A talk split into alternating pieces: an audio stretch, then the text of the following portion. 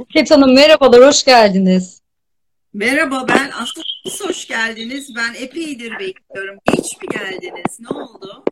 Ee, yok hayır, Ee, tam saat 10'da canlı yayın açtığınızda ben de tam saat 10'da canlı yayın açmıştım.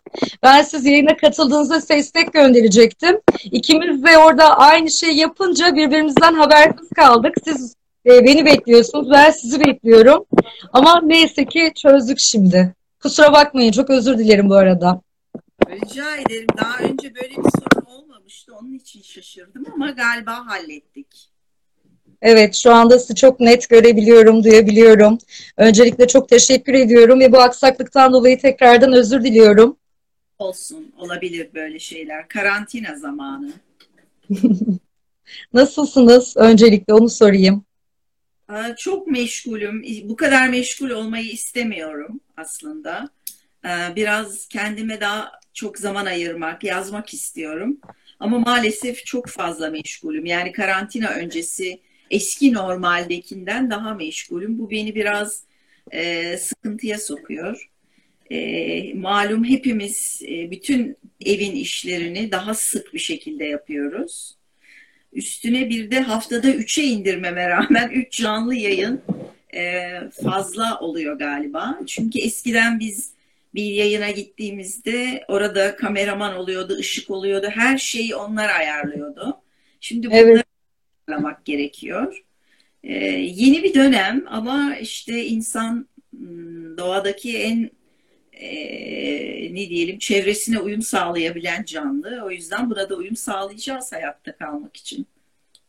Çok haklısınız. Biz de aynı şekilde artık ofis ortamında ya da yüz yüze değil, evlerden bir şekilde röportajlarımızı yapıyoruz.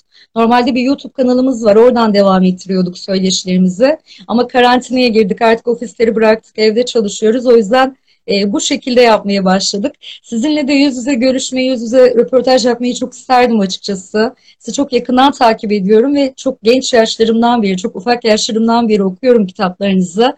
Yani benim hayatımdaki en önemli idollerden bir tanesiniz. Bir tanesi sizsiniz. Hani bunu çok gönül rahatlığıyla söyleyebiliyorum.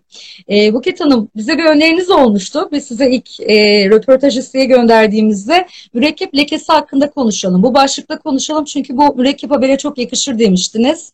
Ee, ben de şimdi sizin Gümüş Yaz kitabınızla Hı hı. İstiyorum bu röportajı. E, biliyorsunuz bu kitap sizin edebi e, otobiyografi kitabınız ve gerçekten çok ufuk açıcı bir kitap. Çok değerli bilgiler var içinde ve çok e, küçük bir şey söyleyeceğim. Bu kitap benim e, sizinle tanışma kitabım. Yani bir yazarı aslında hiçbir öyküsünü, hiçbir romanını okumadan bu kitapla başladım size okumaya. E, 13 yaşındaydım zannedersem, yanlış hatırlamıyorsam. Bir kitapçıda gördüm ve hiç içine bakmadan sırf kapağın görüntüsü çok hoşuma gidiyor diye ve ismi çok güzel diye ben bu kitabı aldım. E, bir yaz günüydü. Balkonda oturmayı çok seviyordum o zamanlarda ve açıp bir anda okumaya başladım. Ve bana öyle dünyalar araladı, öyle şeyler hayatıma kattı ki ve devamı da tabii bütün romanlarınızı tek tek edinip okudum. Şimdi bu e, kitabın içinde dolma kalem başlıklı bir bölüm var. Orada siz dolma kalemi olan tutkunuzdan bahsediyorsunuz ve e, bu kitapta bir de küçük bir not düşmüşsünüz. Eğer istenirse benim bu bağımlılığım babamın dolma kalem sevgisine ve ona olan hayranlığıma e, bağlanabilir demişsiniz. Ve yine yakın zamanda bir röportajınızda babam e, bir kadının eline en çok yakışan leke mürekkep lekesidir demişti. Böyle söylemişsiniz. Acaba mürekkep lekesi, bu mürekkebi boyanarak yazmak ve e, dolma kalem sizin yazın serüveninizde nasıl bir yere sahip, nasıl bir konumda? Şimdi Dolma Kalem'den önce bu Gümüş Yaz Gümüş Kız yani bir yazarın biyografi kitabını tam da otobiyografi demeyelim çünkü on, orada bir gibi bir şey yapmıştık. Yani birkaç ay e, röportaj yapıp onları toplu olarak çıkarmayı biliyorsunuz. Çok sevdiğim bir şey benim bu nehir söyleşi diyorlar. Evet. E, normalde sevdiğimiz birisinin hayatını ya da sevmesek de ilginç bulduğumuz, ille sevmek zorunda değiliz ama çok ilginç işler yapmıştır hayatta. İşte önemli bir şeyler bırakmıştır geriye. Gideriz onun biyografisini alırız ve okuruz. Sizin yaptığınız türden ilk defa duyuyorum. Tabii çok riskli bir şey. Hele 13 yaşında bir çocuğun e, okuması için mesela ben sizin akrabanız olsam bunu okutmazdım. Niye? E, e, belki siz şimdiki yaşınızda farkına varırsınız bunu neden söylediğimi. Bir çocuğun anlayamayacağı, ona sert gelebilecek ya da üzücü gelebilecek şeyler de var hayatla ilgili. E, bu benim mesela iki Yeşil Susamur romanımda çok başıma geliyor. Benim ilk romanım ben de 30'lu yaşlarda yazmıştım. Belki de 20'lerin sonunda. E, o roman bir intihar romanıdır. Yani intihardır ana teması. Evet Yeşiller Partisi vardır, çevreyle ilişkisi vardır ama e, kavramsal olarak e, intihardır ve maalesef yani bunu 18 yaşının altında bence okutmamak lazım.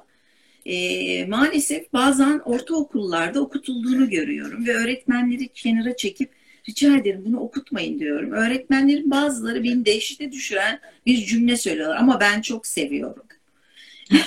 Bizden şimdi siz bunu söylediğinizde 13 yaşında bir çocuğun işte 45 yaşında bir kadın yazarın hayatını okuması acaba doğru mu diye bir yıl böyle e, kavramlar kafamda e, çakıştı ama anladığım kadarıyla size fazla bir şey dokunmamış çok şükür. Öyle Beni çok olumlu yönde etkilediğini söyleyebilirim. E, iyi o zaman demek ki. Çünkü aslında bir, yani o kitabı yazdığımızda şimdi bugünlerde çok otosansür var hepimizin hayatında. Bu çok utanç verici bir şey. Ama yok evet. yalan olur. Yani konuşurken çok dikkatli olmak zorundayız. Bu da tabii özgür düşünmeyi, basın özgürlüğünü, her şeyi aslında bizim kendi gelişmemize, toplum olarak gelişmemize, çocuklarımız için de zararlı, geleceğimiz için çok yanlış bir durum. Ama maalesef tespit etmek gerekirse durumu. Şimdi seçtiğimiz kelimelere dikkat etmek zorundayız. Endişeliyiz. Ama o kitap çıktığında böyle bir şey yoktu. Yani bir sansüre uğramadan, otosansür olmadan yazılmış bir kitaptı. Böyle algılanması güzel tabii, sevindirici. Dolma kaleme gelince ben bir hazırlandım. Dolma kalemi elime aldım. E, bu bir şey Mont Blanc. Aslında dolma kalem çok zengin işi. E, ben zengin birisi değilim. Hayatta da zengin olmaya hiç heves etmedim. Ha, gönlümün zengin olmasına, e, kitaplarla, bilgiyle zengin olmayı çok önemsedim. Hala da bu yolda çaba harcamaya çalışıyorum. Ama dolma kalem hakikaten çok pahalı bir iş. Babamın bahsettiğiniz dolma kalemi ben onu çok pahalı bir şey zannediyordum. Meğerse kapağı altın kaplamaymış. Altın bile değilmiş. Ama babam akşamları her akşam e, sanki bir bebeği yıkar gibi ılık suda pompalıydı tabii mürekkep çekiyor. Mürekkep şişesi, o pembe mürekkep kağıtları olurdu bizim kuşaklar bilir onu. E, o şey kalın emici bir kağıttır. E, mürekkebi emer, dışarıya taşırmaz yani. E, onunla yatırırdı işte masada. Bana derdi ki sen de benim asistanım olacaksın. Yani 6-7 yaşında bir kız. Ve düşünün ki toplumda oğlu da var babamın. Hani genelde baba oğlunu yetiştirir. Hele bizim gibi maalesef kadının e, değeri değer verilmeyen, çok sevilen tırnak içinde kadınları çok severiz. Hı hı. Ama değer verilmeyen toplumlarda bir babanın kızına 6-7 yaşında çocuğuna gel kızım sen benim dolma kalem asistanım ol. Tabii o zaman asistan demiyor, yardımcım ol diyor. Ya da muavin mi diyordu bilmiyorum. Tam kavramı Çırak demiştiniz galiba yanlış hatırlamıyorsam. Çırak demiştiniz galiba yanlış hatırlamıyorsam röportajda. İnsan hafızası öyle enteresan ki çocukluğunu e, her 10 yılda bir farklı hatırlamaya başlıyor. Kendi istediği gibi. Yani bu şu anda bile sizde başlamıştır. 10 yıl önce çocukluğunuza bakışınızla şimdi e, kurgular başlıyor. İşte beyin herhalde kendini korumaya çalışıyor vücudu. E, o yüzden babamla birlikte o dolma kalemi ılık su banyosuna işte bir cam kasenin içine koyar yıkardık. Benim için çok kıymetli bir şeydi. O kadar önemli olduğumu hissettirirdi ki bu bana. O zaman işte elime mürekkep bulaşırdı ve e, babam demek ki mavi lacivert mürekkep kullanıyormuş. Ben siyah kullanıyorum. Bir dönem çok yeşil kullanmıştım. Yeşil mürekkep. Arardım, cağal derdim. Orada çok kırtak. Ee, ve e, elime mürekkep bulaşında annem de ya işte çocuk yarın okula gidecek bak elinde mürekkep var dediğinde babamın bir kadının eline yakışan belki de bir kızın demiştir o zaman ben şimdi böyle söylüyorum bir kızın bir kadının eline yakışan en güzel leke mürekkep lekesidir demişti. Bu benim için böyle e, o zaman da demek ki cümleleri ben yazılı olarak uçuşarak görüyorum. Yani bu bazı müzisyenler notaları renk olarak görüyormuş. Aslında bu e, beyinle ilgili nörolojik bir sıkıntı. Ama yaratıcı bir iş değilse işinize yarıyor. Ben cümleleri uçuşarak görüyorum. Yani babam bu cümleyi söylediğinde bir kadının ya da bir kızın eline yapışan en güzel leke mürekkeptir. O böyle düşünün şu anda e, bir çizgi film gibi ya da bir filmde uçuşuyor. E, beni tabii yakalamıştı bu.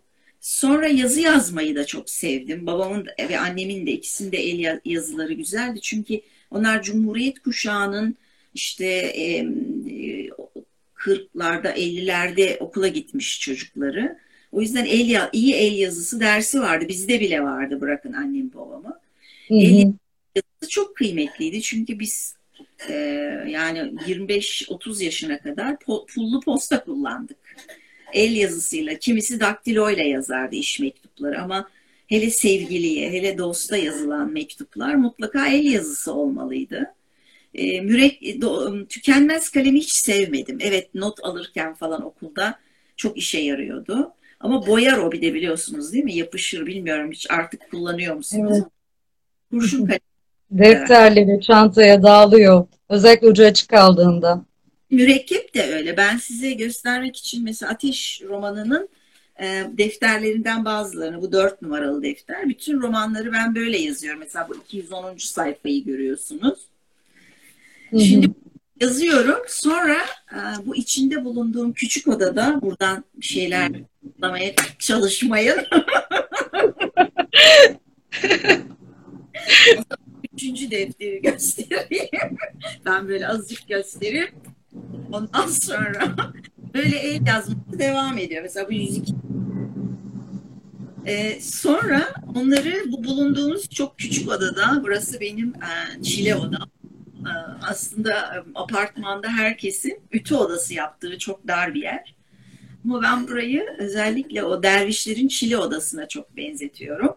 E, çünkü onlar da girip nefs, nefslerini yani iradelerini terbiye etmeye çalışırlarmış orada e, gibi, Budist rahipler gibi bizim de Sufi dervişlerimiz, işte Mevlevi hanede hala Konya'ya giderseniz Mevlana Müzesi'nde var onlar. Küçük hücreler.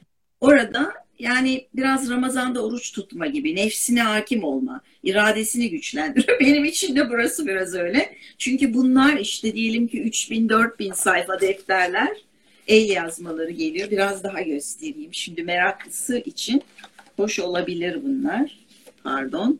İçinden notlar dökülüyor tabii. Böyle mesela 218. sayfa. Galiba Umayne'ne konuşuyor orada. Bunları burada bu odada büyük ekranlı bir bilgisayarım var. Bittikten sonra burada tek, bir de onları bilgisayara geçiriyorum. O, onun için biraz çile işi. Yani tam hammallık o. Elle yazmanın keyfi kalmıyor orada. Ama onu yaparken de Burada e, mürekkep kağıtla kurduğum ilişki orada ekran ve klavyeye dönüşüyor. O zaman biraz yabancılaşıyor. Sanki mesela sizin metninizi okuyor ya da yazıyor gibiyim. Yani bir başkası. Dışarıdan bir gözle bakıyorsunuz Aynen. o zaman yazdıklarınıza. Ve burada yazarken beni uçuran harika oldu. Evet böyle demeli. Evet diye gittiğim bir yer. Burada ekranda gördüğüm anda Aa, inanın ay ne ko Aa, bunu ben mi yazmışım? Rezalet. Ulaşıp sinirli bir şekilde koridorda olamaz diye. Yani o derece kötü şeyler çıkabiliyor. Tabii sonra bir de yayın evinde editör okuyor. Yani böyle hmm. bir işlemi var. Onunla didişiyoruz. Özellikle iyi editörle çalışmak çok çok kıymetlidir. E, böyle bir şekilde devam ediyor. Bir e, yazları gittiğim e, Akdeniz'de küçük bir kıyı kasabası var. Söylemiyorum orada rahat edeyim diye. Sevgi seli oluyor. O biraz çok sevdiğim bir şey değil. Ee, anlıyorum çünkü ben benim de sevdiğim yazarlar var ama galiba yazarları uzaktan sevmek aşkların en güzeli oluyor. E, orada motorla e, gidiliyor benim kaldığım ya da denize girdiğim yere. Bir defasında çantamda su romanı. e, sırt çantamda. E, bilgisayar da var. Onları temize çekme dönemim demek ki. Bir şey dizüstü bilgisayar.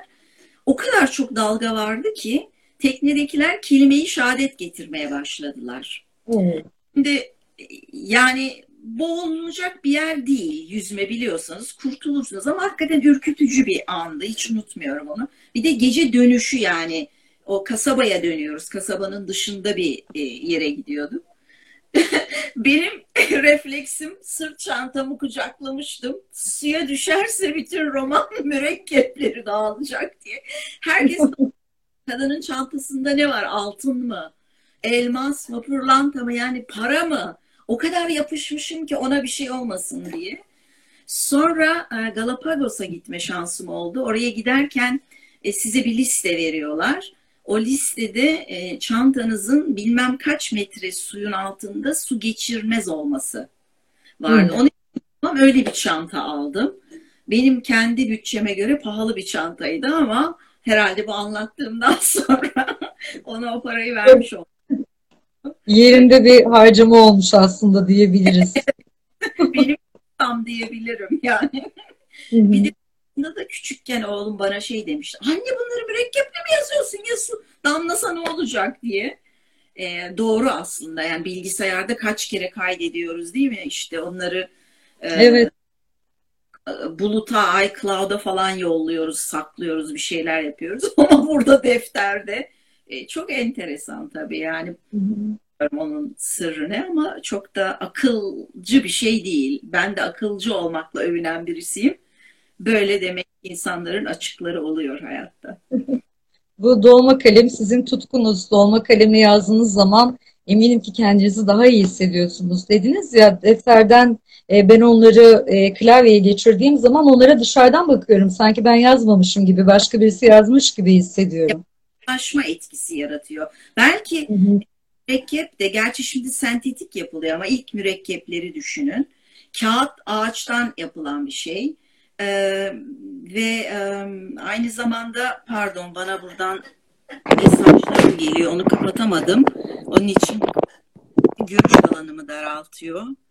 Ee, bilmiyorum siz görüyor musunuz? Ee, ikisi de çok doğal şeyler. Yani organik maddeler. Mürekkebin de e, kağıdın da öz maddesi organik. Şimdi e, e mürekkep laboratuvarda sentetik yapılıyor. Belki onun Hı-hı. verdiği hani insanın zihninden kopan düşünceler, hayalleri ve fikri, fikriyle bir hikaye kuruyorsunuz. Onu çok ilk gençliğimde şöyle çok romantize bir düşünce ama neden olmasın?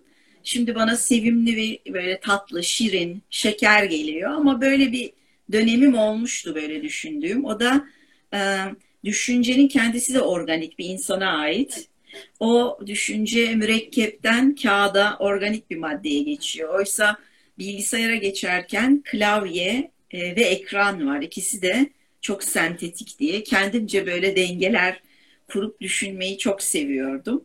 Ee, hoş şeyler tabii bunlara kafa yormak galiba.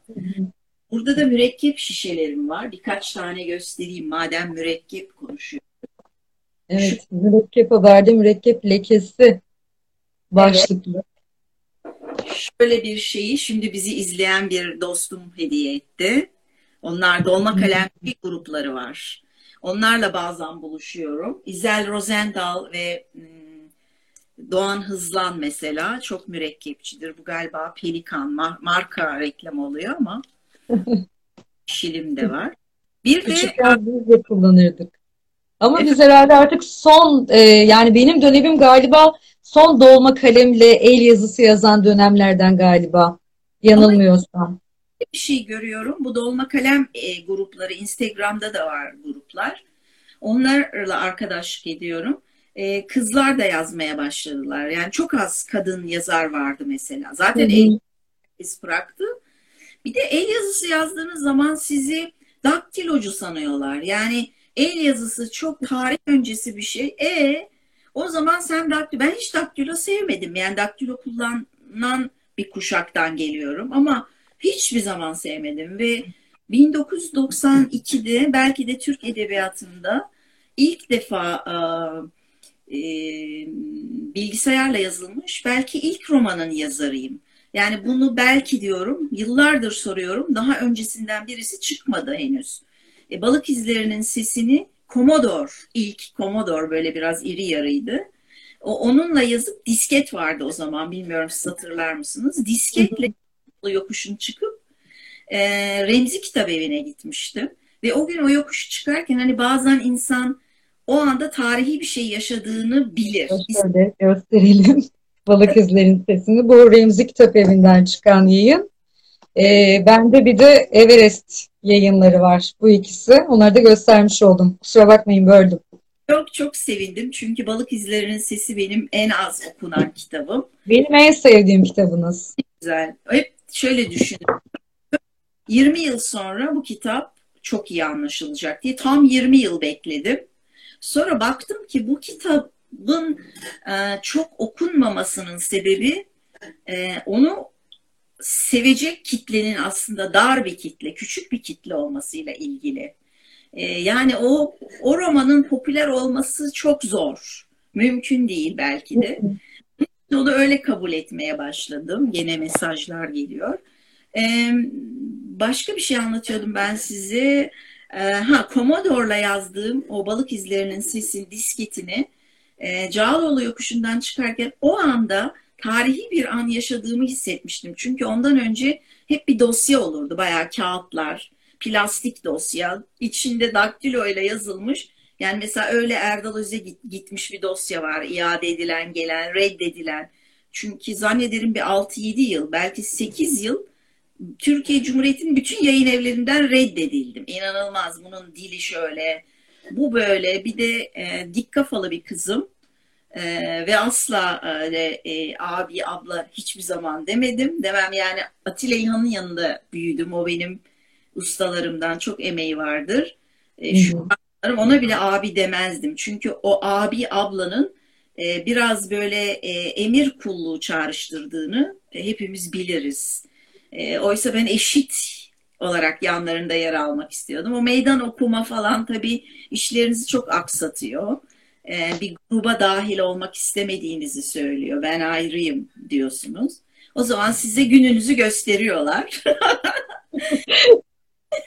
e, fakat direnirseniz ve yaptığınız şeyin iyi olduğunu düşünürseniz, vazgeçmezseniz e, mutlaka sonunda bir şekilde istediklerinizi yapabiliyorsunuz. E, bunu için söylemek, altını çizmek istiyorum. Özellikle bizi izleyen ve yazar olmak isteyen gençler varsa e, vazgeçmesinler. Ve ilham böyle işte size ilham mı geliyor yazıyor musunuz? Belki şimdi öyle bir soru gelir. Öyle bir şey yok. İlham diye bir şey yok. İlham aslında e, mesela sizin 13 yaşındayken bir kadın yazarın biyografisini okuyup bak o yapmışsa ben de yapabilirim. Duygusu var ya o işte ilham. Başka bir şey değil. Bir de e, e, eğer sanat ilhamından, es, esininden bahsedeceksek, başka iyi bir yazarın kitabını, iyi bir filmi, iyi bir eseri dinlerken, izlerken, e, okurken ilham geliyor. Şöyle oluyor, sizin zaten bir fikriniz olması lazım. Yani Hı-hı. boş bir şey gelmez. Böyle bir şey yok. Size ait kökü sizde bir düşünce, bir fikir, bir hikayeniz olması lazım. Ama bunu nasıl söyleyeceksiniz? Çünkü sizden önce Mevlana, Shakespeare ve Cervantes her şeyi söylemişler. Ve en iyi şekilde yapmışlar. E biz ne yapacağız? E, benim fikrim var ve ben bunu anlatmak istiyorum. Benden önce birileri yapmış. Mutlaka yapılmıştır. Yapılmamış hiçbir şey yok. Söylenmemiş hiçbir hikaye yok. Ama kendi çağdaşımız bir sanatçıyı izlerken, klasik de olabilir, ille çağdaş değil.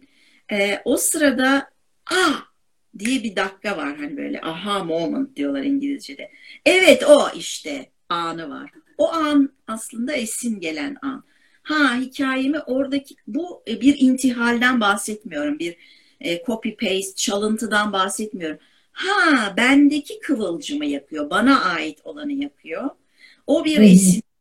İlk yazdıklarınızda, ilk çizdiklerinizde ne iş yapıyorsanız mutlaka bir e, öykünme oluyor. Yani hafif bir taklit oluyor.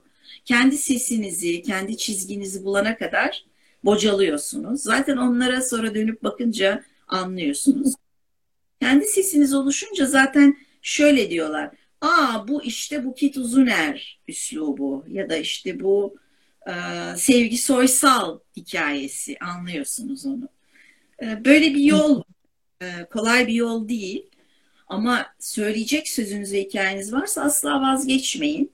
Özellikle kızlara söylüyorum. Kadınlar asla vazgeçmemeli. Bizi yolumuzdan çevirmek üzere binlerce yıldır organize olmuş bir sistem var. Yeter ki kadın yapmasın. Otursun şu belirlenen işleri yapsın. Tamam çok güzel yani çocuk doğurabilirsiniz. İstiyorsanız herkes anne olmak zorunda değil. İşte e, yemek yapmak zevkli, evi düzenlemek, rengarenk cıvıl cıvıl işlerle uğraşmak güzel ama benim bir de kendi hayatım var. Onu ondan sakın vazgeçmeyin. İlle yazar olmamız gerekmiyor herkesin. E, zaten okuyacak. Öyle de düşünmek lazım. Ama yazın. Yani yazar olmak zorunda değilsiniz. Ama mutlaka yazın. Çünkü yazmak insanın karışık fikirlerini, e, kaoslarını, endişelerini düzene sokuyor. Yani Anlaşılabilir kılıyor aslında değil mi? Düzene sokuyor. Onları bir şekle sokuyor. Bir şekle sokulduktan sonra e, insanın onu anlaması, onunla başa çıkması daha kolay oluyor. Şimdi Buket Hanım az önce şey dediniz, özellikle kadınlara vazgeçmeyin, mutlaka yazın dediniz. Tam da bu noktada tekrardan dolma kaleme dönecek olursak, e, dolma kalemin, bunu hatta Gümüş Yaz kitabınızda da e, yazmışsınız zamanında, eril bir şey olarak görülüyor. Evet. Dolma kalem. Genelde erkekler dolma kalemi kullanıyorlar. Dolma kalemle yazıyorlar. Acaba siz 6 yaşında henüz küçük bir kız çocuğuyken babanız sizi dolma kalemlerini e, temizlerken, sıçrağı ilan ettiğinde demiş ya e, bir kızın ya da bir kadının eline en çok yakışan leke e, mürekkep lekesidir diye. Şimdi dönüp baktığınızda o zamana e, özellikle de toplumumuzda kadınların şu anki güncel konumunu düşünürsek altında çok daha farklı manalar olduğunu ben görüyorum, hissediyorum. Siz acaba o zamana dönüp baktığınızda şu anda ne düşünüyorsunuz? Babanız esas olarak aslında orada ne anlatmak istemiş olabilir? Şimdi e, babamın e, hangi dönemin erkeği olduğunu bakmamız lazım. Birisini yargılarken hangi tarihin hangi döneminde hangi koşullarda diye. Ben bir memur, memur baba. Ee, işte bir cumhuriyet çocuğu ve onun annesi yarısı Osmanlı yarısı Cumhuriyet'te yaşamış bir kadın. Yani bir Osmanlı e, imparator çökmekte olan bir Osmanlı devletinin çocuğu olarak doğmuş. Ee, değil aslında 1929 doğumlu olduğuna göre Cumhuriyet çocuğu babam. Ama ablaları var. Bir kısmı e, Osmanlı zamanında doğmuş. E, o yüzden onu anlamaya çalışırken onun zamanında kadın nasıldı ve ne yapmak istiyordu? Şimdi o dönemin özellikle e, çoğunlukla işte eğitim alıp alelacele Cumhuriyet'in gençleri olarak aile kurumunun yeni Türkiye'yi yaratma, o zamanın Cumhuriyet Türkiye'si diyelim, yeni Türkiye başka anlama geliyor. Cumhuriyet Türkiye'si e, bir araştırma yapılmıştı benim kuşağım için. Yani 50'lerle 60'lar arasında 60'larda doğmuş çocuklar için. Yaz, kadın yazarların neredeyse %90'ının babası memurdu. Bizi o memur adamlar yazar olacak kızlar olarak desteklemişler. Yani bunun arasında e, işte mesela yargıçlar var, e, üst düzey bürokratlar var ama memur, devletin devlette çalışan adamları, genç erkeklerin kızları olarak doğmuşuz biz. Şimdi kadına leke deyince tabii hemen aklımıza e, işte etik olmayan yani fahişelik falan geliyor. Kadın fahişe olmasına gerek yok. Boşanmış kadına bile dul kadın denen bir e, toplumdayız hala dul kadının evet. olumsuz. E, halbuki e, boşanmış kadınların bekar kadın olarak kaydının geçmesi için imza kampanyalarıyla zannederim bir 20 yıldır artık boşanmış kadının e, kimlik kartına dul yazmıyor medeni durumu. Böyle evet. yazıyor. Ben bunu gördüm ve şahidim. Şimdi bekar yazıyorsun, yazılabiliyor. Ama kadın ne ederse etmezse deneyin ya da çevrenizde boşanmış arkadaşlarınıza sorun. Hemen oradaki memur dul yazıyor hala. Bu evet. bir erkek memur oluyor. Ama kadınlar da biz de mesela kendimize insanoğlu derken yakalayabiliriz kendimizi. Ben ilk yazdıklarımda insanoğlu yazıyormuşum. Halbuki ben insan kızıyım. Ben insanoğlu kelimesinde temsil edilmiyorum. Bilim adamı, bilimden hayatımı uzun yıllar kazandım. Bilim adamı olarak benimle konuşuyorlar. Bir bilim adamı olarak. O zaman için çok dikkatimizi çekmiyordu. Biz bile içselleştirmiştik. Yeni yeni bunları kavramaya başlıyoruz. Yeni yeni sanki yerden kalkıp ayağa kalk, kalkan e, bir cinsiyetiz bütün dünyada. Biz çok şanslıyız çünkü hakikaten 80 yılda işte pilottan cerraha kadar kadınların yapamadığı hiçbir meslek olmadığını sadece 80 yılda biz kanıtlamış belki dünyadaki tek e, cumhuriyet kadınlarıyız. E, evet o cümlenin içinde e, leke ve kadınla ilgili bir takım anlamlar olabilir. Bir kadına yakışan e, yani babam hiçbir zaman bir erkeğe yakışan en yakışan leke mürekkeptir demedi. Çünkü bir erkeğe leke leke tutmaz erkek zaten. Sonuçta e, babam feminist bir adam değildi ama feminist bir kız yetiştirdi. E, bunlar çok yavaş olan şeylerdir toplumda. Şimdi o adamın erkek torunu benim oğlum farklı yetişiyor. Bunlar biliyorsunuz sosyolojide mesela şehirli olmak için üç kuşak gerekir diye bir giriş e, birinci sınıfta öğretilen kavramlardan birisidir. Yani e, üç kuşak geçmeden yeni şeyler, yeni kavramlar oturmuyor. O yüzden e, söylediğinizde haklısınız, yakaladığınız şey çok doğru. Şimdiye kadar bu cümleyi çok kullandım. Hiç kimse o e, ne diyeyim oltamla ilgili bir farkındalık orada bir olta var aslında. Olta. Evet. Kimse onu görmedi ama yine bir kadının görmüş olması aslında e, tabii ki bir erkek aa yani evet ne güzel söylemiş baban diyor ama neden leke ve kadın e, diyen ilk sizsiniz. Onun için teşekkür ederim. Ben çok teşekkür ediyorum söylediğiniz güzel şeyler için. E, Buket Hanım biraz da yazmak hakkında e, konuşalım. Dolma kalemden bahsettik, e, mürekkepten bahsettik, mürekkep lekesinden bahsettik.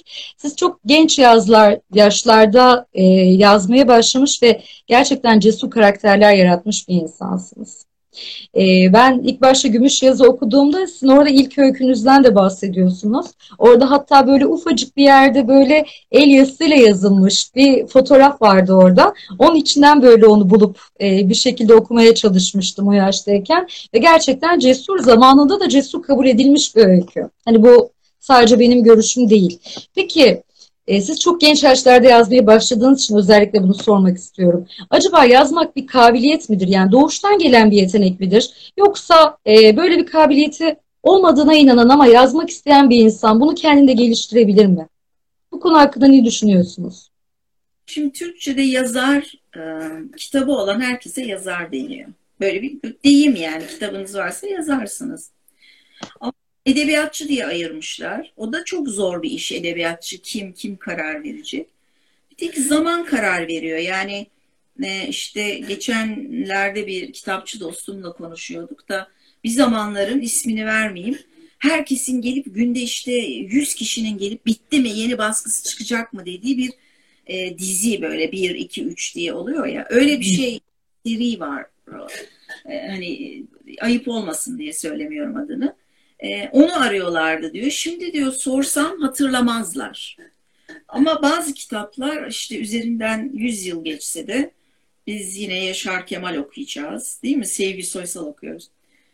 E, ya da Shakespeare okunuyor hala. Tabii burada pazarlamanın da ayrı bir gücü var. Bazı toplumlar yazarlarına çok sahip çıkıyor. Bazılarına çıkmasanız da o kadar iyi ki kendisi çıkıyor. Batsa da suyun üstüne sanki çıkıyor bir çiçek gibi. Ee, ben şuna inanıyorum. İyi hikayeci olarak doğulur ya da doğulmaz. İyi hikaye doğmuş birisi ille yazar olmak zorunda değil. Onun e, sohbetine doyulmaz zaten. Hiç sıkılmazsınız. Yani ailenizde falan vardır öyle insanlar. E, belki şansları olmamıştır. Belki üşenmişlerdir. Çünkü yazarlık çok ciddi işçilik. Bayağı işçilik yani e, nasıl marangoz çalışıyor ya saatlerce bir şey oyuyor. Taş işçiliği. Öyle bir emek var. Yani şaka maka değil. bir şey hikaye anlatacaksınız. O hikayede birisi bir yerden bir yere gidecek. O yolu tanımlamanız, o eşyaları tanımlamanız, o anı anlatmanız lazım. Yani bir e, sinemacıdan ya da bir müzisyenden çok daha şanssız durumdasınız. Çünkü elinizde kelimelerden ve harflerden başka hiçbir tane e, enstrümanınız, aletiniz yok. E, evet. Mesela biz göçebe bir toplum olduğumuz için eşyalara isim koymamışız. Hep bir yerlerden almışız. Etejardan gardıroba kadar. İşte Farsça, Arapça, Fransızca, İtalyanca. Orada çok zorlanabiliyorsunuz. Bunun gibi bayağı ciddi emek vermeniz gerekiyor. Tabii bu kelimelere yeni, e, bu kavramlara ve eşyalara yeni ve Türkçe isimler bulmak zorundayız, üretmek zorundayız. Siz üretirsiniz çünkü yazar dilin teknisyenidir. E, siz ortaya sunarsınız, tutarsa tutar, tutmazsa ama tuttuğu için kullandığımız ne kadar çok kazandığımız kelime var. E, yani e, bir insana sen yazar olursun olamazsın ben söyleme etkisinde değilim. Herkes kendini bilir. Ee, iyi hikayeci doğmuş insanlar vardır. Şöyle bir örnek vereyim. Ben çocukken e, hani çocuklar arasında hep grup başkanı olmak, o daha popüler olsun şimdiki deyimle. İşte onu çok seveni var, beni kimse aramıyor ki. Hepimizde daha çocukluktan başlar bu sosyalleşmeyle ilgili sıkıntılar. Kimimiz içe dönüğüzdür, utangacızdır. Ben de çok dışa dönük görünürüm ama e, öyle değilimdir. Aslında çekingen biriyimdir. Kenarda köşede dururum. E, çok böyle uzun boylu, çok gösterişli bir çocuk da değilim. Çünkü bir de fizik de önemlidir. Çok iri yarıdır gene. Bir, öyle bir şeyim de yok. Ortalama bir haldeyim. Ama herkesin ortalama olmayan bir şeyi vardır. Ben çocukken çok iyi hikaye ettiğimi anlamıştım. Çok bilinçli değildim ama annem işte çok okuyan bir kadındı. Zaten onun sülalesinde Osmanlı'dan şairler varmış. Bir defa böyle bir şey yazdım. Twitter'da bir kız aman hepiniz de soylusunuz diye bana yazdı. Soylu ne yapayım annemin bir dedesi bir e, sufi şeyhiymiş, Mevlevi şeyhiymiş ve şiir yazıyormuş. Yani yalan söylemem böyle bir şey. Tabii ki e, ben soylu, zaten Osmanlı'da soylu yok da. Onun için şimdi aklıma geldi. Öyle bir niyetle söylemiyorum ben şu aileden geldim ama bir şairle gurur duyarım. Halk ozanı da olabilir. Kaldı ki Sufizmin Bektaşi ve Alevilikle çok ilişkisi olduğunu yeni öğrendim. Ee, onun daha entelektüeliymiş Mevlevilik ama aynı kökten geliyorlar. Ee, onun için çok kitap okuyan ve kıssadan hisseleri anlatan, e, biraz da arkeoloji okumuş Dil Tarih Fakültesi'nde o yüzden arkeolojiye çok düşkündü ve işte bir Ağrı Dağı'ndan bahsedildiğinde Nuh'un gemisini anlatırdı. İşte aşure yaparken Nuh'un gemisini Hı-hı. o kadar ki ben hep annem o gemide sahiden bizzat bulunmuş ve canlı yayın yapıyor zannederdim. Bu onun hikayeciliğinin ne kadar güzel olduğunu. Çünkü hikayecilik yazarak veya sözlü atmosfer yaratabilmek demektir. Hikayenin kendisi o kadar önemli değildir. Atmosfer yaratınca içine gireriz. Ve bayılırız biz insanlar buna içine girmeye. Yani küçük çocuklara nasıl masal anlatırken sonra ne olmuş? Bizler de öyleyiz. Bir farkımız yok. Sadece masal olmayan şeyler istiyoruz. Ee, ben de işte annemin sinema sevgisi, aşkı. Çok sık sinemaya gidiyoruz. Bizim kuşaklarda yazlık sinemalar vardı. Hatta minderlerimiz olurdu. Annem fırfırlı minder dikerdi. Onlarla giderdik. Çekirdek çitlenirdi. Fakat o çekirdekleri annem torba asardı. O torbanın içine çekirdeklerini attırırdı. Şimdi bunun ne kadar önemli bir terbiye olduğunu anlıyorum. Ee, o filmleri ben arkadaşlarıma mahallede anlatmaya başlarım. Biz sokakta oynayabilen şanslı çocuklardı. Sonra bu çocuklara birkaç gün sonra gelip teyze bize paramızı iade edin diye bağırırlardı kapının önünde. Annem de dehşetle parayla mı hikaye anlatıyorsun onlara derdi. Hayır yani zaten parayla çok ilişkim iyi olmasın istedim. Hep o zaman da yoktu. Çünkü bizim ailede ayıptı para konuşmak. Ee, başkasının inancı, dedikodu ve para mesela bunlar e, ayıp bunlar özeldi yani işte insanların kendi içlerinde bir şey. Bu yüzden çok saf da kaldık tabii kardeşimle ben de toplum içinde çok sıkıntı yaşadık ama pişman değilim. Onun kazandırdığı başka şeyler oluyor çünkü. Sonradan anladığımız kadarıyla durum şuydu. Ben onlara bir filmi anlatıyorum. E, bir çocuk filmi olabilir. Ayşecik filmi olabilir mesela. Onlar gidiyorlar filmi o kadar beğenmiyorlar. Gelip benden paralarını geri istiyorlar. Tabii çok mantıksız bir şey. Ben bunu bizzat yaşadım. Annem de şey derdi. Peki peki ben ona söyleyeceğim bir daha anlatmasın size. O kadar öfkelenirlerdi ki sonradan zaman içinde anladım ki e, ben o filmlerin hikayesini alıp kendim bambaşka bir hikaye çeviriyordum. E, onu anladıktan sonra e, şeyi hatırlıyorum mahallede oyun oynarken işte bir hikaye anlatırdım. Peşimden koşarlardı sonu ne oldu diye. Ee, onu başka olaylarda da bazı ameliyatlarda falan yaşadım. Yani anesteziye girmeden önce bir hikayemi korkudan, korku nedeniyle konuşmaya başlıyorum. Bir hikayemi anlatmıştım. Anestezist bir karış suratlı, hiç konuşmayan, gülmeyen bir adam. Ee, normalde hemşireler sizi götürür, değil mi? Şeye ameliyat odasına. ben şeyi hatırlıyorum. Anestezist beni götürüyordu. Sonunda ne oldu diye soruyordum. Bunu bizzat yaşadım. Ee, ve tabii bu şey gibi Fareli Köy'ün kavalcısı gibi bir anlamda sihir yapıyorsunuz ve baktığınızda aslında tarih boyunca da böyle olmuş. Yani bütün kutsal kitaplardaki kıssadan hisseleri insanlar daha iyi anlasın diye o kitaplara da koymuşlar. E, efendim işte e, eski şamanlar, köy köy dolaşan halk ozanları sadece yiyecek. Yaptıkları bu aslında o zamanın yazarları da onlarmış. E, biz de onların peşinden koşuyoruz. Şimdi galiba e, bu Netflix gibi yerlerde bunun bir çeşidini yapıyorlar. Yani 8 bölüm birden koyuyorlar bir e, e, dizinin. Arda arda arda arda izleniyor sonu ne olacak falan diye. Şimdi tabii her şey görsele dönmeye başladı. E, bu birçok kişiyi çok rahatsız ediyor. Mesela e-kitap çıktığında da çok e, rahatsız olanlar vardı. Beni o kadar rahatsız etmiyor. Neden biliyor musunuz? Çünkü özünde yazı var aslında. Ne yaparsanız yapın. Özünde hikaye var. E, bana kızıyorlar ama bütün sanatların e, annesi, anası, babası değil. Kesinlikle çünkü sözel bir şeydir hikaye etmek. E, çok dişi bir şeydir. E, edebiyattır. E, yazıdır. Yazı ille kağıda yazılması anlamında değil. Hikayedir. Onun için bir besteyi yaparken bile bir bestecinin kafasında bir hikayesi vardır. Mutlaka vardır. O yüzden önce söz mü gelir, e, imge mi diye çok kavga vardır şeyde, e, sanatta. E, ressamlar arasında özellikle olmuş. O, sürrealizm döneminde biraz sürrealizm beni çok etkilemiş akımlardan birisidir ilk gençliğimde. Balık izlerinin sesinde de anlaşılır o biraz zaten.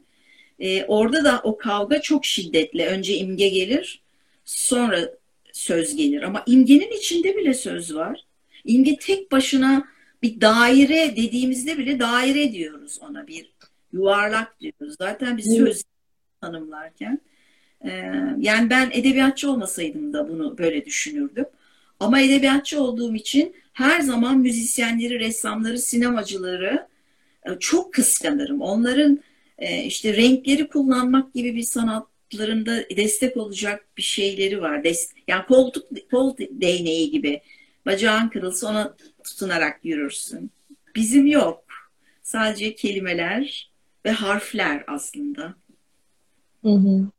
Nasıl zamanımız hı. var galiba. Ee, ben açıkçası e, yayını açtığımda şey yapmadım. E, tam olarak saate bakmadım ama zaman yani şu anda 53 geçiyor. Ama birazcık geç başladık o iletişim sorunumuzdan dolayı zannedersem henüz bir 15-20 dakikamız daha vardır diye tahmin ediyorum. Instagram bir saatte kesiyor çünkü yayınları. Evet. Peki, evet. göre programımızı yapalım diye söyledim. Evet biraz geç başladığımız için hani biraz daha vaktimiz vardır diye düşünüyorum. Ee, şimdi benim sormak istediğim çok soru var aslında ama e, az önce bir şey bahsettiniz. E, genç yazar adayları, onlara nasıl e, yol haritası çizebileceklerini anlattınız. Ben onu söylemek istiyorum ama yine küçük bir anımdan bahsedeceğim. Tutamıyorum kendimi. Şahada 22 ona kadar demiş bir arkadaş. Yani 10 12 dakikamız var. Evet, pardon. E, galiba 23 ona kadar. 11 10 geçeye kadar. Evet, yani herhalde. Galiba. Az vakit almış. Buket Hanım bu 2009 yılında Sizin el yazınız var burada. Çok net göremiyorum. Ne yazmışım? Sevgili Elif Soykan için benim yani e, Buket Uzuner kendi imzanız 2009 İstanbul TÜYAP. Ben o zaman 18 yaşındaydım. Fakülteye yeni başlamıştım. Üniversite öğrencisiydim. Hazırlığı bitirdim. Fakülteye geçtim. Ve e, şimdi ben 13 yaşında gümüş yazı okuduktan sonra tren seyahatleri, tek başına işte e, ülkeler gezmek, gezgin olmak bunlar zaten o yaşta benim içime düşmüştü. Ama o zamanlarda yani benim o üniversite ilk başladığım yıl henüz 18 yaşındayken ben anneme babama demiştim ki ben tek başıma Eskişehir'e gideceğim. Bir süre orada kalacağım. Oradan da Ankara'ya gideceğim. Anıtkabir'i göreceğim. Sonra da eve geri geleceğim.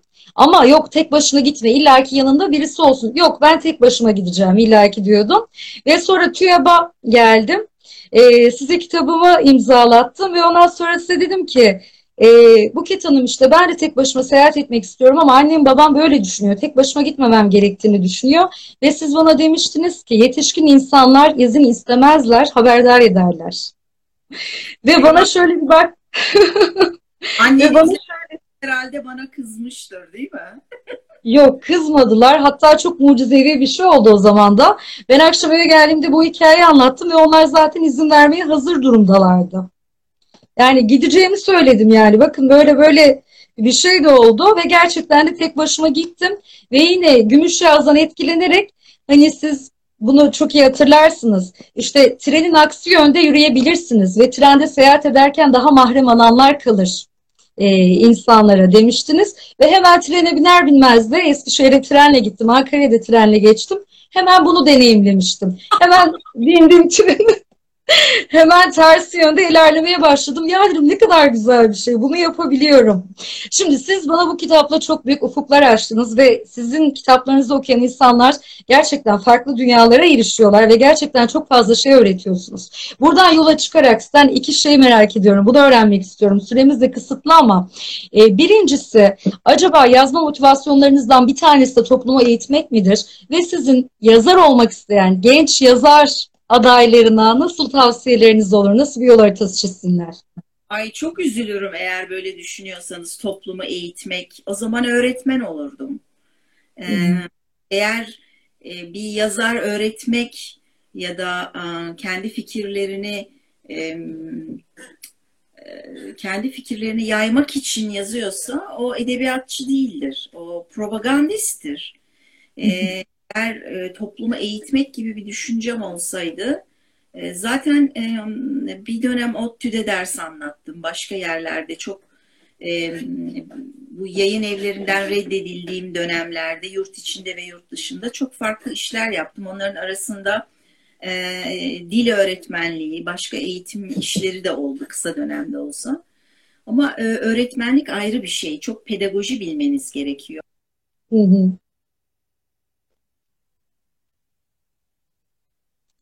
Küçük bir bağlantı sorunu yaşıyoruz galiba. Bağlantı. Düzeldi şu anda. Bir ara bir yayın koptu. Şarjım bitiyormuş onun için e, söylüyor. E, benim şarjım bitiyormuş. İşte telefonlar eskiyince böyle yapıyorlar yenisini alsınlar diye. Ben de inadına devam ediyorum. E, hayır yani öyle bir düşünce bir verdiysem çok üzülürüm. Gerçekten üzülürüm. Benim toplumu eğitmek ne haddime ne de böyle bir amacım yok. Böyle bir şey beceremem zaten. Ee, mesela ODTÜ'de şimdi belki bizi izleyenler arasında vardır. Öğrencilerim oldu. Ben de 28 yaşındaydım. Asistandım yani. Biliyorsunuz profesörler asistanlara verirlerse ekoloji anlattım çevre mühendisliği bölümünde. Ee, orada e, şöyle düşündüm. Ya ben seneye de burada kalırsam aynı dersi bir kere daha anlatacağım. Yani ne kadar sıkıcı benim için. Halbuki yeni öğrenciler gelecek. Ya benim doğama uygun değil. E, ilkokula giderken e, işte ya da ortaokulda işte Fatih'in İstanbul'u fethi anlatılır ya beyaz atıyla gelir. İşte Ayasofya falan. Tabii özellikle kızlar için hep bize masallarda kız çocuklarına şey anlatıldığı için beyaz atlı prens gelir. Sonunda onunla gidersin ve hayatın biter. Bitti. Son. Niye? Başka bir şey yok. Ondan sonra haberimiz yok. İstersen kraliçe bile ol, ister kadın sultan ol, tarihte adın bile yok. Silindin sen. Macera, hayat falan erkekler için. Şimdi ben o kadar sıkılmışım ki ikinci sene de Fatih Sultan Mehmet geliyor. Gene aynı yeri fethediyor ve beyaz atıyla tabii beyaz atlı prens ben aşığım Fatih Sultan Mehmet'e. Beyaz atlı ve prens, kral yani sultan adam.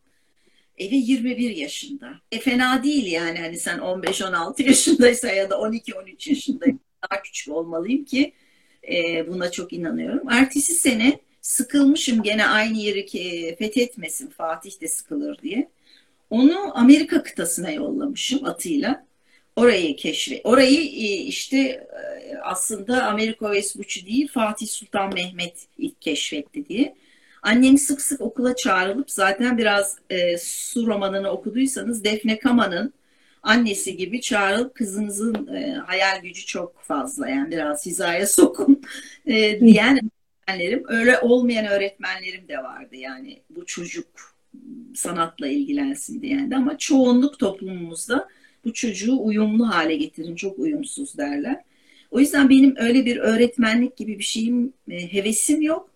E, haddim de değil. Yani her toplum kendi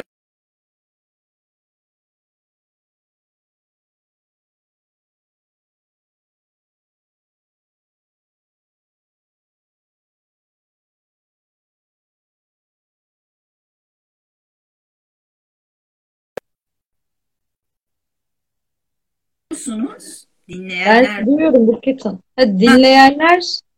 Siz dondunuz çünkü bir süre bende. Şimdi şu anda evet. şu anda nasıl? Şimdi belki hani internet yine şey olduysa böyle bir gidip geldiyse belki anlık bir donma olmuş olabilir yine. Ee, yani e, eğer benim yazdıklarımdan bir eğitimci ya da öğretmen havası çıkıyorsa çok üzülürüm. İnşallah böyle bir şey e, yok. E, ama bir kitabı okurken onun bana çok kapılar açmasını da çok severim. Yakınlarda bir roman bitirdim e, ve herhalde e, çok uzun süredir ilk defa bu kadar bir roman bitmesin diye e, okuduğum bir roman. Bunu öneriyorum herkes. Hmm. Mesela bu romanı okurken e, Olga e, Tokarczuk geçen senenin de e, Nobel e, ödüllü evet. kadın yazarı. Olağanüstü bir roman. Arkadaşlar lütfen okuyun. Hakikaten e, duacım olursunuz diye bir laf var ya bunu okursanız. E, mesela bu kitabı okurken William Blake'den almış bunu. Sürpulluğunu ölülerin kemikleri üzerinde e, hayvan haklarıyla çok ilgili. Muhteşem bir hikaye anlatamam size. Ursula Le Guin seviyorsanız Ursula Le Guin'in damarından ben de kendime kardeş, kız kardeş olarak edindim. E mesela bu romanı okurken e, ben şöyle okuyorum, biraz da göstereyim ne kadar lime lime ettiğimi. Sayfaları görünüyor mu bilmiyorum. Ee, ya evet şu anda görünüyor. Altında çizdiğiniz yerler görünüyor. Net yani, bir şekilde göründü. Yer var böyle çize çize yani bir arkadaşıma gösterdim. O da dedi ki bir yazar böyle kadavrasını çıktı demek. Şimdi mesela bu kitap bir şey bana öğretmiyor ama beni yönlendiriyor. Mesela William Blake'in ben şiirlerini sadece adını duymuşumdur. Hiç şiirlerini okumadım. Fakat kitabın hem adı oradan geliyor hem de her bölüm başında bir epigram var. Ee, William Blake'den bir alıntı var. Şimdi mesela ben onun kitaplarını okuyacağım. Mesela şurada 6. bölüm. Yabani geyik orada, burada dolaşan, kurtarıyor insanın ruhunu kaygıdan. Bu bölüm onunla ilgili gidiyor. Eğer sizin kastettiğiniz böyle bir şeyse okuru yönlendiriyorsa başka birilerine. Bu öğretmek e, farklı dünyalar açmak, farklı kapılar açmak. Yani bu bir motivasyon mu sizin için? Yazma motivasyonunuz mu? Hani belki topluma eğitmek derken orada biraz sert bir ifade kullandım. Yanlış anlaşılabilecek bir ifade kullandım. Üzüldüm ben ona. Gerçekten ifadeyi beni çok incitti. Çünkü öyle bir hevesim yok. Varsa yaptıklarımı çöpe atabilirim rahatlıkla. Ee, ne demek ya eğitmek bir toplumu falan? Öyle bir şey mümkün mü? Aslında belki... kastettiğim dediğiniz gibi farklı e, kapılar açmak. Hayal evet. dünyalarını zorlamakla o, ilgiliydi. O başka Onu bir bu şey. şekilde düzelteyim o zaman. O anı e, yok sayalım. Tamam çünkü e, mesela bu kitabı özellikle bunun için gösteriyorum. Bu kitap beni eğitmedi ama bana yeni yazarlar kazandırdı ve e, sonunu muhteşem bağlamış. E, okuyunca zaten ne dediğimi göreceksiniz. Sanki kardeş zamanda kardeş kitaplar yazmışız gibi. E, bütün kitaplarında okumaya zaten iki tanesi Türkçe'ye çevrilmiş ama herhalde okuduğum başka dillerde bulabilirim. E, eğer ben de bunu yapabiliyorsam ki bana gelen e, dönüşlerin bazıları böyle işte yeni bir yazar tanıdım. Mesela Roman Gary'i balık izlerinin sesi nedeniyle tanıyan ve seven çok kişi var. Hatta iki sene önce bilmiyorum bizi dinliyor mu e, bir e, lisede bir azınlık lisesinde akşamları azınlık lafına da çok sinir oluyorum. Kim kimin azınlığı, kim sonradan geldi gitti falan. E, o lisede akşamları pazar günleri film gösteriliyormuş. Roman Gary'nin hayatıyla ilgili bir film varmış. Ben de görmemiştim. Çok da uzak bir yerdeydi. Ben Kadıköylüyüm. Beni arabayla aldılar, götürdüler. Filmden önce ben Türkiye'de belki de Roman Gary ile ilgili konuşacak hani birkaç kişiden biri olarak oraya çağrıldım. Lise düzeyindeydi, veliler vardı. Hani böyle çok entelektüel bir grup değildi. O kadar koşarak gittim ki. Çünkü bu memlekette Roman Gary'e kitap ithaf etmiş. Ha, kimin umurunda? Benim umurumda. Çünkü o adam o kitaplarıyla benim dünyama o kadar çok şey kattı ki o şükranla ilgili bir şey. Benim de bunu devam ettirmem gibi. Aslında bu bunun milliyeti, cinsiyeti, dini, dili yok. Yani bu insanlık kültürü. Yani Victor Hugo'nun e, Sefiller romanındaki Cosette işte e, bir Hristiyan küçük kız, öksüz kız diye okumuyoruz ki. O bizim işte ne bileyim arka mahallemizde, şehrimizde ya da işte ülkemizin herhangi bir yerindeki küçük yoksul öksüz kız olabilir. Bir Suriyeli göçmen olabilir. Bizden birisi olabilir. Ee, öyle okuyoruz. Çünkü bir insanlık hikayesini anlatıyor bize. O yüzden ölümsüz. Yoksa e, hangi dilde yazıldığı galiba çok da önemli değil ama öyle bir dönemde yaşıyoruz ki dünyanın öyle bir dönemindeyiz ki bütün dünyada e, birçok ülkenin lideri kendi ülkesinde bir ayrışma yarat, yaratıyor ve aynı anda yaşıyoruz. Belki bu korona bizi biraz daha yaklaştırdı birbirimize diye umut etmek istiyorum. Çok da umutlu değilim ama insan umut etmek zorunda. Nazım'ın da dediği gibi. Ee, biraz daha sadeleşmeyi, biraz daha birbirimize dayanışmanın ne kadar önemli olduğunu hatırlamaya başladık.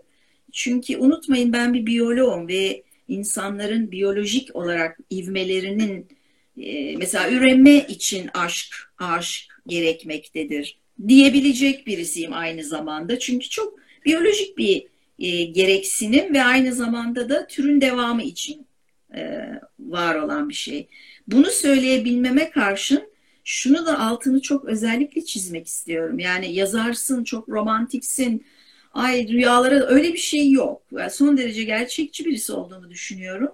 Ama hayal etmenin de ruhumuza iyi geldiğini farkındayım. Yani hormonal bir şey aynı zamanda bir ihtiyaç. İnsan e, diğer hayvanlardan farklı olarak işte bizim pençelerimiz yok, kanadımız yok, tehlikeye karşı korunacak hiçbir şeyimiz yok. Aklımız var ama akıl yetmiyor. Bir arada olmamız.